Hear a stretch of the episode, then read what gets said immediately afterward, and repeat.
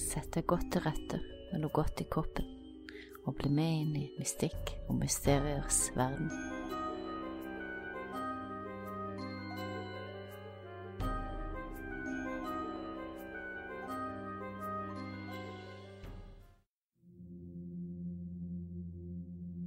I 2009 kjører en mor, far og deres datter av gårde for å se på en ny eiendom.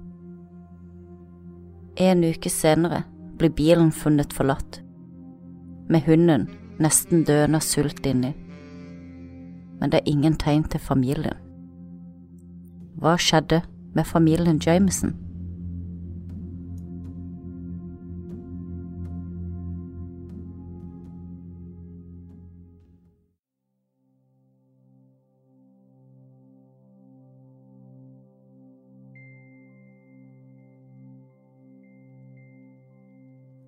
Bobby og Sherilyn møtte hverandre sommeren 2002, og det var kjærlighet ved første blikk.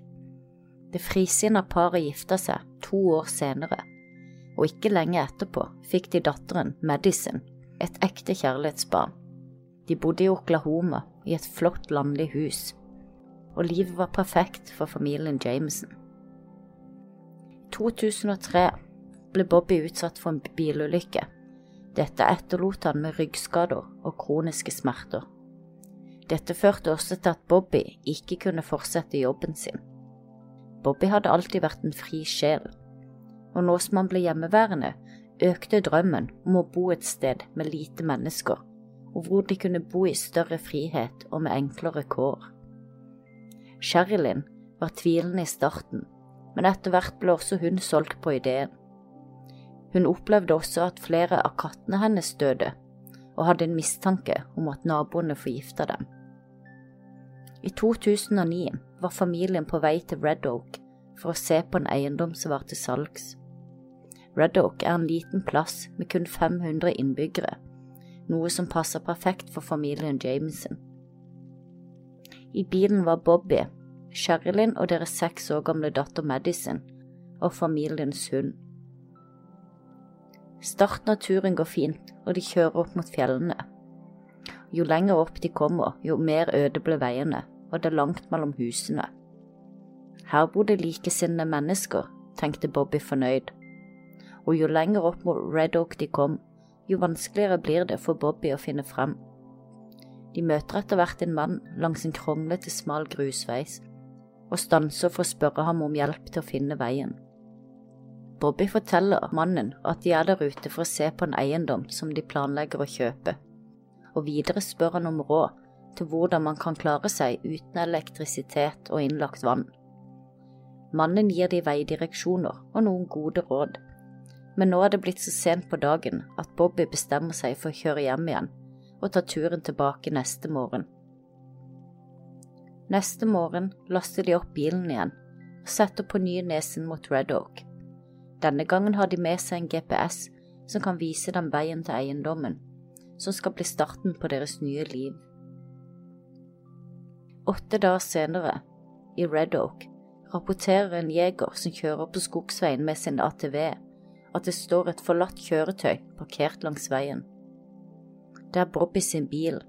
Bilen er låst, og inni bilen sitter det en hund som er nesten død av avmagring. Politiet ankommer stedet og må knuse ruten i bilen for å få ut hunden. Hunden er nesten død. Den har vært i nesten en uke i bilen uten mat og drikke. Deretter fortsetter politiet med å undersøke bilen og det som er inni den, for å finne ut av hvem eierne er. Jamisons jakker, lommebøker, nøkler, mobiler og vesker ble funnet i bilen, og ut ifra dette antok politiet at familien måtte ha gått seg vill ut i skogen. En leteaksjon med tolv politimenn ble satt i gang, men ingenting ble funnet. Politisjefen bekymret seg for familien, som tilsynelatende hadde gått seg vill uten jakkene, for det ble ganske kaldt ute når kvelden kom, og de håpet å finne dem før det. I mellomtiden var det ingen som hadde meldt familien Jameson savnet. Siden de var en veldig privat familie, så var det ikke uvanlig at de kunne dra av gårde på turer som varte i flere dager, uten å gi beskjed til noen.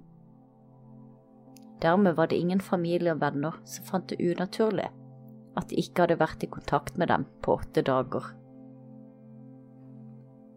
Et annet ektepar hadde kjørt forbi den forlatte bilen noen dager tidligere, men de antok at det var noen jegere eller skogsarbeidere som hadde parkert der, og tenkte ikke noe mer over det.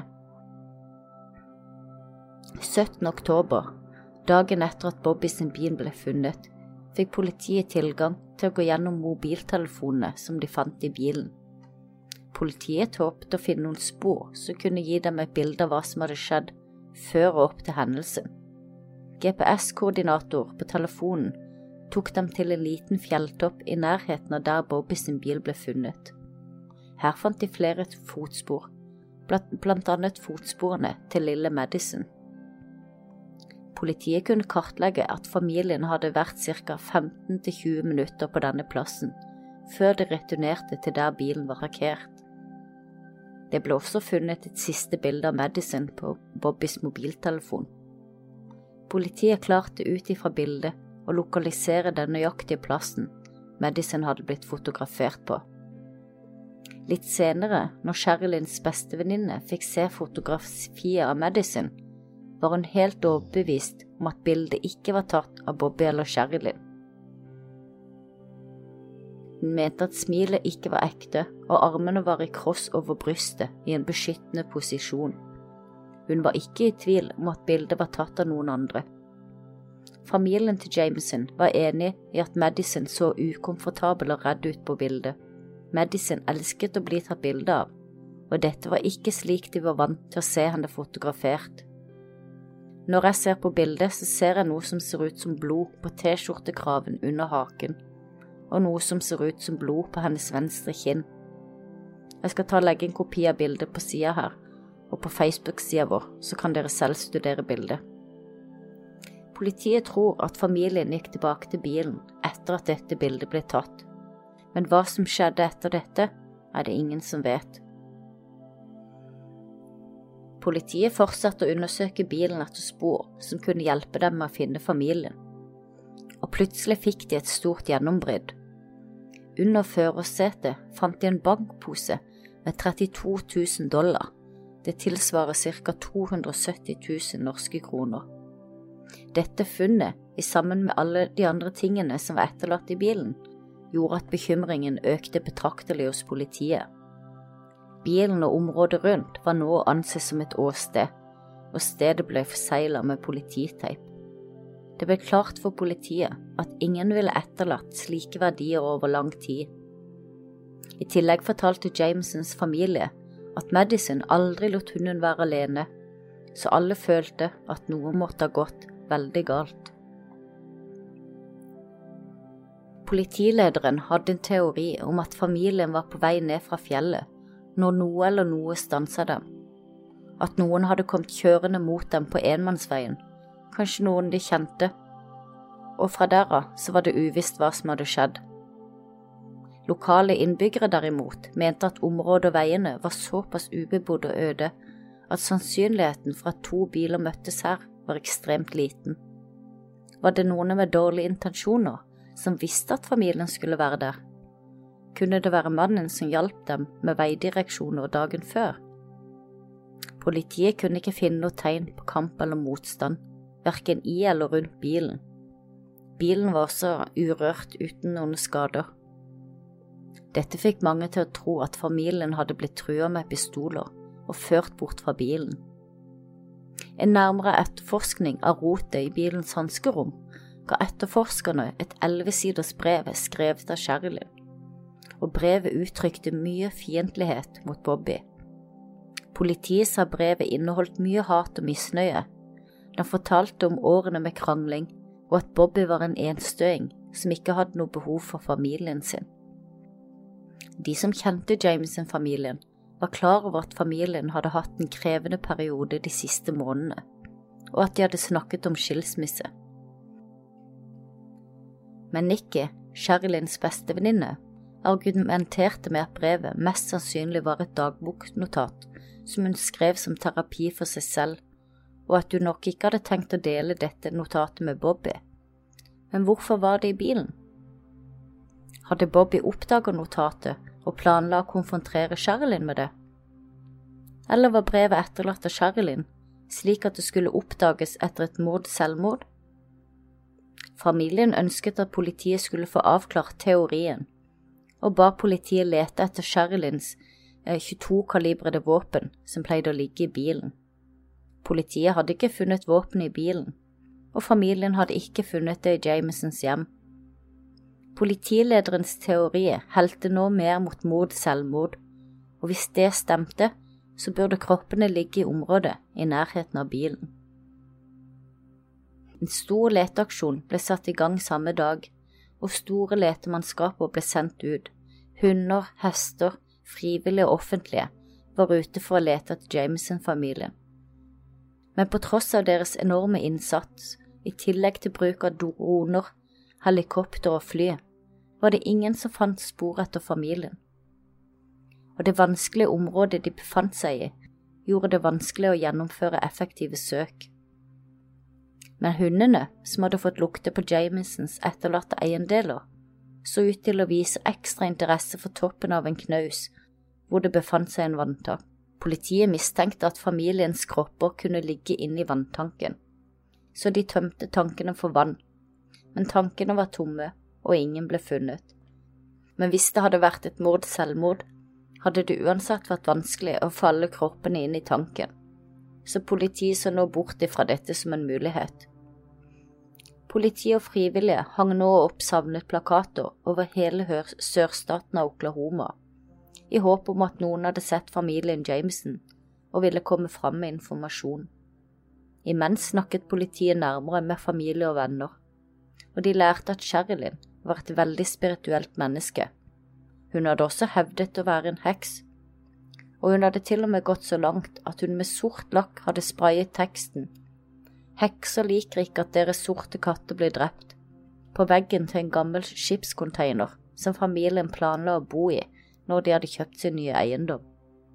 Men Nikki, Sherilins bestevenninne, hevdet at heksesprayingen kun var et forsøk på å skremme naboene, som Sherilyn mente drepte kattene hennes med gift. Hun sa videre at Sherilyn ofte sa at hvis du vil at noen skal forsvinne fra livet ditt, så få dem til å tro at du er gal. Noen uker før de forsvant, deltok Bobby og Sherilyn på bønnemøter holdt av den lokale presten Gary Brandon. Han hevdet at familien var midt i en spirituell krig, og at de hadde hevdet å ha problemer med flere spøkelser i deres hjem i Oklahoma. Sherilyn skulle visstnok ha sett to spøkelsesbarn ved navn Emily og Michael, som lekte med deres seks år gamle datter Madison. Starlet, Bobbys mor, hadde også blitt fortalt denne historien av Sherilyn, men hadde avfeid historien med at de var Medicines usynlige venner, da noen barn bruker dette som en metode for å takle vanskeligheter i hjemmet, i dette tilfellet foreldrenes hanglende ekteskap. Men Nikki, Sherilyns bestevenninne, mente at det var riktig at det spøkte i Jamesons hjem, da hun selv hadde opplevd paranormale aktiviteter der. I tillegg fortalte pastor Gary at Bobby hadde fortalt at han hadde sett skikkelser på taket, og han hadde spurt om det fantes noen spesielle kuler man kunne skyte dem med. Familien var klar over Sherlins overbevisning om at huset var hjemsøkt, men de ble både overrasket og sjokkert over at også Bobby delte denne overbevisningen. Vanligvis så er det jo slik at jo mer politiet lærer om ofrene, og jo mer bevis de får, jo enklere blir det å avfeie teorier og finne et riktig svar. Men ikke i denne saken. For her blir det mer mystisk og forvirrende jo mer man finner ut. 23. oktober 2009 fikk politiet en ny ledetråd, men den førte bare til enda flere spørsmål for etterforskerne. Politiet hadde oppdaget at familien Jameson hadde overvåkningskameraer utenfor boligen sin som pekte mot gårdsplassen. Politiet klarte å hente ut filmen fra den dagen de pakket bilen sin og forsvant om morgenen 8. oktober. Filmen viser at Bobby og Sherilyn går mer enn 20 turer frem og tilbake fra huset til bilen. og de skifter også klær i løpet av disse turene. Politiet beskriver dem som om de er i en transelignende tilstand. Politilederen sa senere at han syntes det var merkelig at de måtte gå så mange turer frem og tilbake mellom huset og bilen, og i tillegg snakka de ikke med hverandre mens de gikk frem og tilbake. Det var som om det var kun dem som eksisterte i deres verden. Kunne det være narkotika som var årsaken til at de oppførte seg så rart på filmen? Med tanke på at delstatene hadde en stor del med amfetaminbrukere og distributører, så kalte han inn en psykologiekspert til å se gjennom opptaket av Jameson-familien. Ekspertene konkluderte med at de måtte ha vært ruset på narkotika men familien til Jameson var veldig klare på at verken Bobby eller Sherilyn brukte narkotika, og politiet kunne heller ikke finne noe beviser på narkotika eller bruk, verken i hjemmet eller bilen som ble funnet. Men selv om Bobby og Sherilyn ikke brukte narkotika, kunne de likevel ha vært involvert i narkotikasmugling. Med tanke på at de slet økonomisk, kunne det vært mulig at de hadde gått med på en engangsleveranse for å dekke inn utgiftene i forbindelse med flyttingen. Mens politiet gikk gjennom overvåkningsvideoen av Jameson, begynte de å notere ned alle tingene som paret bar ut i bilen. Når de sammenlignet listen med det de hadde funnet i bilen, var det kun én ting som mangla – en brun koffert. Kunne det ha vært narkotika i kofferten, som ble bytta mot de 32 000 dollarene som ble funnet i bilen. Men hvis forsvinningen til Jameson var en narkotikahandel som hadde gått galt, ville ikke da den personen som var ansvarlig, eller som mottok narkotikaen, ta, tilbake posen med pengene som ble funnet i bilen? De som mener at Jameson-familiens forsvinning er narkotikarelatert, mener overvåkningskameraene familien hadde installert utenfor huset sitt, støtter opp om dette.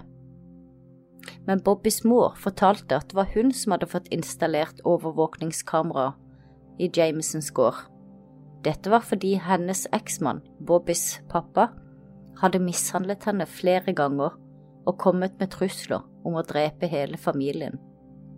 Bobby hadde også hevdet at faren hadde forsøkt å kjøre over ham med bilen. Etter dette søkte Bobby retten om å få beskyttelse mot faren. Dette skjedde ca. seks måneder før Jameson-familien forsvant. I retten hadde Bobby forklart at faren var involvert i prostituerte, gjenger og metamfetamin, og at hele familien fryktet for livene deres. Jeg er redd hele tiden, skrev Bobby. Kunne dette være en ny ledetråd? Det viste seg at Bobby hadde også saksøkt sin far for penger han mente han hadde rett på, etter at faren solgte en bensinstasjon som de eide sammen. Bobby fortalte videre at faren ofte tok ham ut av skolen som barn, slik at han kunne arbeide på bensinstasjoner gratis, og at dette pågikk til han var godt voksen. Ifølge Bobby skulle de ha inngått en avtale om å dele profitten når bedriften ble solgt men Bobbys far hadde gått tilbake på avtalen og beholdt alle pengene selv. Det gikk også rykter om at Bobbys far var involvert i kriminalitet og den meksikanske mafiaen. Faren til Bobby var derimot alvorlig syk på den tiden Jameson-familien forsvant, og døde kun to måneder etterpå. Men kunne denne konflikten mellom far og sønn være dyp nok til at faren hadde leid inn leiemordere for å ta ham av dage? Dette kan vi kun spekulere i. Men det vi vet sikkert, er at i tillegg til økonomiske og ekteskapelige problemer, så led både Bobby og Sherilyn av depresjon. I Bobbys tilfelle var det de kroniske smertene og det at han ikke lenger kunne arbeide, som var hovedårsaken til hans depresjon. Og Sherlin hadde i flere år hatt diagnosen bipolar, som resulterte i perioder med depresjon. Ifølge moren til Bobby var det i disse periodene at Sherilyn kjente på hat, sinne og selvforakt, og at dette kunne man tydelig se i hennes dagboknotater. Noe annet som også kunne være med å gjøre de vonde og negative tankene til Sherilyn verre, var at hun to år tidligere hadde mistet søsteren sin. Søsteren døde brått og uventet etter en alvorlig allergisk reaksjon på et bistikk. Venner og familie fortalte at Sherilyn etter dette av og til lot være eller glemte å ta medisinen sin. Kunne dette forklare sinnet og bitterheten som Sherilyn hadde vist i det elleve sider lange notatet som politiet fant i bilen? Kanskje, men politiet trodde ikke at Sherilyn sin bipolare lidelse var årsaken til forsvinningen. Uansett hva som plaga ekteparet, var det tydelig at de ønska å starte på nytt ved å kjøpe denne nye tomten i Red Oak. Og de som kjente dem, mente at de fremdeles elsket hverandre dypt og inderlig, på tross av at de hadde en periode med problemer. Hvilke ekteskap har ikke problemer som de jobber seg gjennom? I mellomtiden, på tross av mye informasjon og bevis, kom ikke politiet videre i saken. Politisjefen sa at de fleste politiforskerne ville vært lykkelige over å ha så mye bevis og informasjon som de hadde. Men deres problem var at all informasjonen og bevisene sendte dem i mange forskjellige retninger, og det var vanskelig å finne den riktige veien. Men så kommer det nok en ny ledetråd. Politiet oppdaga at i juli Tre måneder før Jamesons forsvinning hadde Bobby hyret inn en mann som skulle hjelpe Bobby med arbeid på huset. Sherilyn hadde fortalt vennene sine at denne mannen gjorde henne ukomfortabel når Bobby ikke var i nærheten. Sherilyn hadde fortalt sin venninne Nikki at når Bobby hadde forlatt dem alene for å gjøre et ærend, da hadde denne mannen satt seg ned ved siden av henne. Han hadde satt seg veldig nærme lent seg helt opp i ansiktet hennes og sagt, Du vet jeg er en overlegen rase, den hvite mann, og du prater om at du har indianerblod i deg. Og jeg synes alle som ikke har ren hvit rase, fortjener å dø. Dette skremte Sherilyn, så hun reiste seg fort, tok med seg datteren Medicine og gikk inn i et annet rom. Sherilyn gikk så tilbake med en ladet pistol og beordra mannen bort fra eiendommen deres. Hun skal også ha avfyrt flere skudd rundt føttene hans. Med dette nye sporet, som kunne gi et motiv for forsvinningen, oppdaga politiet i tillegg at denne vaktmesteren hadde en lang rekke politisaker på seg. Dette gjorde at mannen nå var øverst på listen deres over mistenkte. FBI ble tilkalt for å hjelpe til med å lokalisere den mistenkte, etter at de hadde funnet navnet hans på en medisineske som ble funnet i bilen til Jameson. FBI spurte opp mannen, og han ble brakt inn til avhør. Men under avhøret oppdaget politiet til sin overraskelse at mannen hadde et vanntett alibi, og han ble dermed strøket av listen over mistenkte. Med denne nye ledetråden, som nå også var blitt avskrevet, familien som ennå ikke var funnet, og medieoppmerksomheten som begynte å dabbe av, ble saken nok en gang kald, og etterforskerne sto uten nye spor å gå etter. I november 2013, mer enn fire år etter Jameson-familien forsvant, snubla et jaktlag over skjelettrestene av to voksne og et barn. De lå side om side med ansiktene ned mot bakken. Kroppene ble funnet mindre enn fire kilometer fra der bilen til Jameson ble funnet. Men på grunn av tilstandene kroppene var i etter så lang tid ute i terrenget, var det ikke før i juli året etter at man fikk bekreftet med sikkerhet at de avdøde var familien Jameson. Det var også vanskelig å fastslå hva som var dødsårsaken selv om rettsmedisinerne oppdaget et hull bak i skallen på Bobby, som kunne ha stammet fra et våpenskudd, kunne hullet like gjerne være skader etter et rovdyr eller et været, etter så mange år ute i terrenget. Så hva skjedde egentlig? La oss se på noen av de mest sannsynlige teoriene. Første teorien er mord-selvmord. I bilen til Jameson ble det funnet flere reseptbelagte medisinbokser men det er usikkert hva disse medisinene faktisk var. eller om boksene hadde vært tomme, halvfulle eller fulle. Kunne noen av medisinene vært dødelige? Hvis de for eksempel ble knust og putta i maten, som familien kunne ha spist under en piknik etter at de kom tilbake fra spaserturen? Og hva med den manglende pistolen? Et hylster ble funnet i hanskerommet. Hva om Sherilyn hadde tatt våpenet med på turen og brukt det til å skyte Bobby i bakhodet mens de var på piknik? Kanskje etter å ha dopet ned datteren Madison? Sherilyn ville da ha hatt muligheten til å kvitte seg med våpenet, av grunner bare hun visste, og så forgifte seg selv med medisiner mens hun la seg ned ved siden av sin døde mann og datter. Hvis Sherilyns elleve sider lange brev bare var et dagboknotat som ikke var ment for andre å se, hvorfor var det da revet ut fra dagboken og lagt inn i hanskerommet på bilen slik at det kunne bli funnet? Er det mulig at det ble lagt der for å gi en forklaring på mord-selvmordet til politiet når de en gang ble oppdaget? Og hva med den manglende kofferten? Kunne det ha vært en koffert med et lite pikniksett? Men verken kofferten eller våpenet ble funnet og skulle man klare å finne dem, kan det godt hende at de kan gi svarene politiet trenger for å løse dette mysteriet. Noen ganger kan den enkleste forklaringen være svaret på en sak som virker kompleks.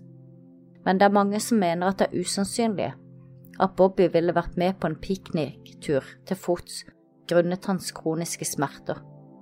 De tror at familien bare skulle gå en liten tur for å strekke på føttene, gikk seg vill og til slutt døde ute i et forgjeves forsøk på å finne tilbake til veien.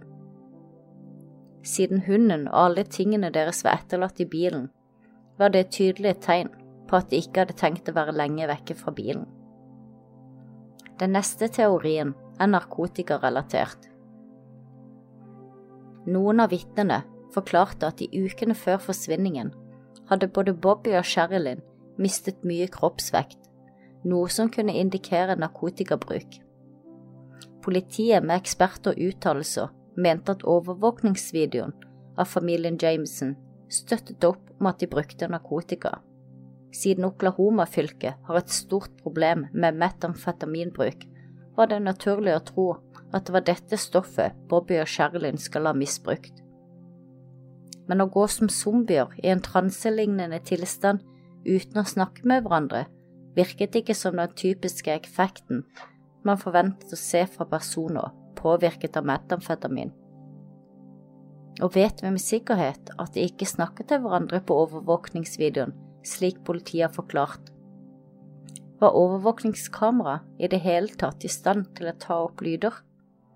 I kontrast til politiets forklaring finnes det minst ett klipp fra overvåkningsvideoen som ble vist på TV hvor man kan se Bobby og Sherilyn se på hverandre, og det kan virke som om de snakker med hverandre.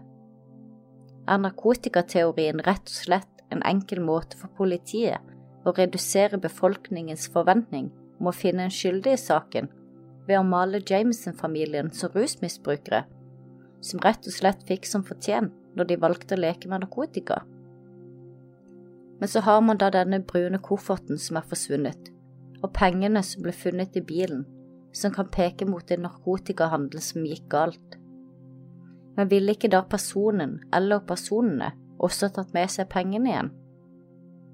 Kanskje er det flere ting som skjedde samtidig, som gjør at dette mysteriet er så vanskelig å løse. Hva om de et sted mellom Eufala og Red Oak hadde en vellykket narkotikahandel som skulle gi dem nok penger til å starte nedbetalingen på eiendommen som de ønsket å kjøpe? Så hvis man da tenker at kofferten og pengene ikke er relatert til Jamesons død, kan kanskje sporene i etterforskningen bli litt enklere å se. De som kjente Jamesons, sa at de foretrakk å gjøre handler med kontanter. Og siden de var mennesker som ønsket å bo for seg selv i et lite selvdrevet samfunn, er det heller ikke så vanskelig å tro at de var skeptiske til myndighetens banker og derfor kun gikk med kontanter. Dette leder oss til den neste teorien, de som bor i Red Oaks fjeller. Disse menneskene deler mest sannsynlig Jamesons mistillit til myndighetens banker og institusjoner. Dette er mennesker, akkurat som Jamesons, som ønsker å være i fred for andre. Mannen de møtte dagen før, som hjalp dem med å forklare veien. Selv om han ikke er sett på som en mistenkt av politiet, var om han rett og slett ikke likte ideen om at enda flere skulle flytte opp dit på fjellet, som han hadde sitt hjem. Han var den siste som så dem der oppe, og han visste nøyaktig hvor de planla å se på eiendom. Vet man noe mer om disse menneskene som ønsker å bo for seg selv i Oklahomas fjeller? Vi vet at Oklahoma har mange innbyggere som er kjente medlemmer av hat- og separasjonsgrupper, og den ene byen ligger bare ti mil fra der Jamesons-familien ble funnet. Det er et privat og mistenksomt samfunn med mange ekstremister.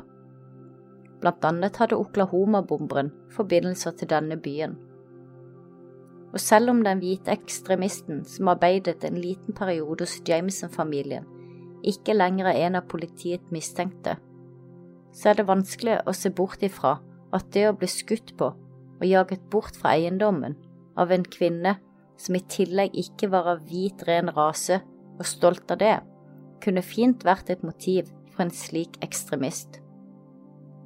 Er det noen mulighet for at han visste at Jameson planla å kjøpe eiendommen i Red Oak? og selv om han selv hadde et vanntett alibi, kunne han ha leid inn noen andre til å ta hevn på hans vegne. Men han er jo ikke den eneste med et mulig motiv. Hvis Bobbys far hadde forbindelser til den kriminelle verden, og i tillegg hadde forsøkt å kjøre over sin sønn med bil og kommet med dødstrusler, som gjorde at familien trengte overvåkningskamera, hva annet var han da i stand til å gjøre? Siden Bobbys far på denne tiden var syk og under medisinsk behandling, var han aldri personlig mistenkt av politiet. Men kanskje klarte ikke faren å akseptere og tilgi at sønnen stilte ham for retten i forbindelse med salget av bensinstasjonen, og tok kontakt med noen av sine kriminelle venner for å få problemet ut av veien. Eller hva om Jameson-familien bare hadde havnet på feil sted til feil tid? Vi vet at metamfetamin er et stort problem i fylket. Kunne familien ha kommet over et bortgjemt metamfetaminlager når de gikk tur i skogen? Det var også mye snakk om en ødelagt pickupbil som sto i nærheten, og som var sprayet med sataniske vers og symboler. Noen hadde da tatt og malt over det hele med kristne bibelvers, og politiet hadde klart å matche den kristne spraymalingen med malingen som ble funnet i Sherilins hjem, den samme som hun hadde brukt til å spraye heksebeskjeden på familiens skipskonteinervegg. Kun en satanist har blitt vitne til at Sherilyn spraya kristne vers over de sataniske, og at han ikke tålte det han så? Det er ikke godt å si hva slags mennesker en slik plass kan tiltrekke seg. Sherilyns mamma tror at familien ble drept fordi Sherilyn hadde havnet på negativ liste hos en kult. Nikki, Sherilyns bestevenninne, kunne støtte opp om dette, og fortalte at en anonym kvinne hadde tatt kontakt med henne, og fortalte at Sherilyn var under oppsyn av en gruppe som kalte seg United White Knights, altså Forente hvite riddere, som avstammet fra gruppen Ku Klux Klan i Texas kunne det være slik at deres tidligere vaktmester hadde noen tilknytning til denne gruppen. Cirka ett år etter at Jamesons kropper ble oppdaget, var Nikki, Sherilins venninne, tilbake på åstedet. Hun rapporterte at hun hadde sett flere biler med Texas-skilt, og hun hadde så hørt flere skudd bli avfyrt i luften, og opplevde at det ble gjort for å skremme henne. Og hun hadde da reist kjapt vekk fra stedet men teoriene blir enda mer merkelige og mystiske. En teori er at familien ble offer for et fenomen som kun forekommer på breddegrad 35, og er kalt en rekke av tragedier. På verdensbasis strekker breddegrad 35 seg gjennom annet Hiroshima, Tibet, Irak, Iran og Afghanistan, og det menes at unormalt mange tragiske hendelser har forekommet på akkurat denne breddegraden. Inkludert bombingen av Alfred P.s myndighetsbygning i Oklahoma sentrum.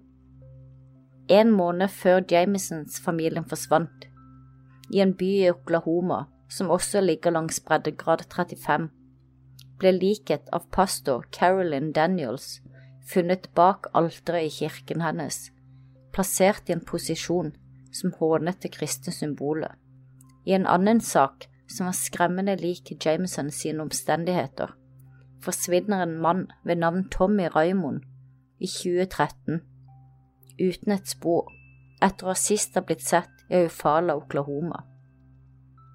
Hans forlatte bil ble funnet langs veien ca. fem mil unna, langs breddegrad 35. Og tre år senere, ikke langt fra der bilen hans ble funnet, ble Tommy sine skjelettrester funnet. Som i Jameson-saken ble Tommy sine levninger funnet i et område som allerede var gjennomsøkt den gangen bilen hans ble funnet. Den kanskje mest oversette teorien er at det skjedde noe paranormalt med familien. Hadde vi bare hatt Bobby og Sherylyns ord på at huset deres var hjemsøkt, så hadde det vært enklere å avfeie teorien. Men Nikki, Sherylyns venninne, fortalte at også hun hadde sett uforklarlige ting i huset deres. Hun fortalte at hun en gang hadde sett en grå skikkelse som manifestiserte seg i trappen foran henne. Videre fortalte hun at hun alltid hadde følt en mørk og ekkel følelse i huset, som etterlot henne med en deprimerende følelse. Og pastoren deres, som også hadde fortalt om parets paranormale hendelser til politiet, ga aldri uttrykk for at han ikke trodde på familien. Han virka oppriktig bekymra og klar på at familien hadde en spirituell krig gående i huset sitt. Det er heller ingen tvil om at Sherilyn var veldig opptatt av sine indianske aner, og hun var overbevist om at deres hjem i Ufala var bygget på et tidligere indiansk gravsted. Dette kunne igjen forklare de overnaturlige tingene som paret opplevde i boligen sin. Var dette den egentlige grunnen til at familien plutselig ønsket å flytte? Var det derfor de var så desperate etter å komme seg bort fra deres flotte hjem i Øyfalla, at de heller ville bo i en falleferdig skipscontainer syv mil unna? Hvis så, er det da mulig at den rastløse sjelen etter en indianer, som hadde fått sitt hvilested forstyrra, hadde fulgt etter paret opp i fjellene. Hvis man ser tilbake på overvåkningsvideoen, hvor ekteparet ble beskrevet å være i en transelignende tilstand, kunne noe ha besatt dem som senere ledet dem dypt inn i skogen. Sherylyns venninne Nikki fortalte journalister at Sherilyn hadde fortalt at hun en gang hadde sett Bobbys øyne bli helt døde og sorte, som om han var besatt. Nikke hevdet også at Sherilyn ofte kunne bli hørt når hun ba djevelen komme seg ut av huset deres. Mest interessant er kanskje måten familien Jamesons kropper ble funnet på, med ansiktet ned. I den indianske kulturen er denne detaljen veldig viktig. I deres kultur er de overbevist om at hvis offeret blir etterlagt med ansiktene ned, så betyr det at deres sjeler vil forbli fanget.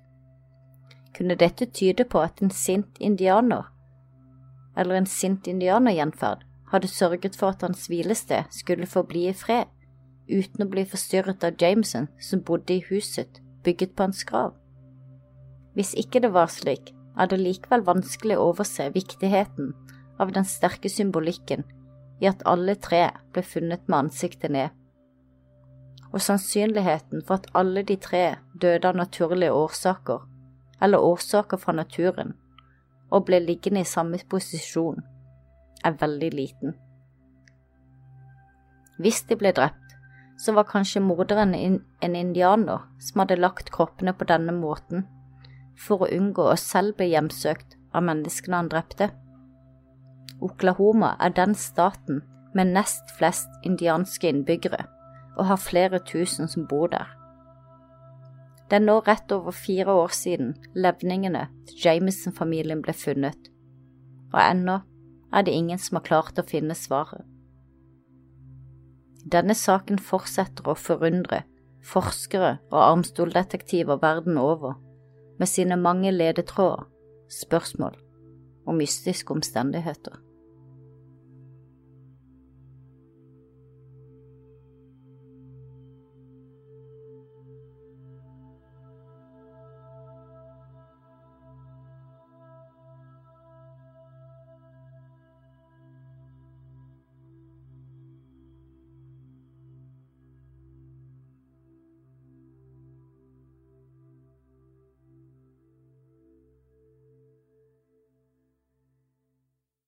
Har du et enkeltpersonforetak eller en liten bedrift? Da er du sikkert lei av å høre meg snakke om hvor enkelt det er med kvitteringer og bilag i fiken, så vi eh, gir oss her, vi. Fordi vi liker enkelt. Fiken superenkelt regnskap.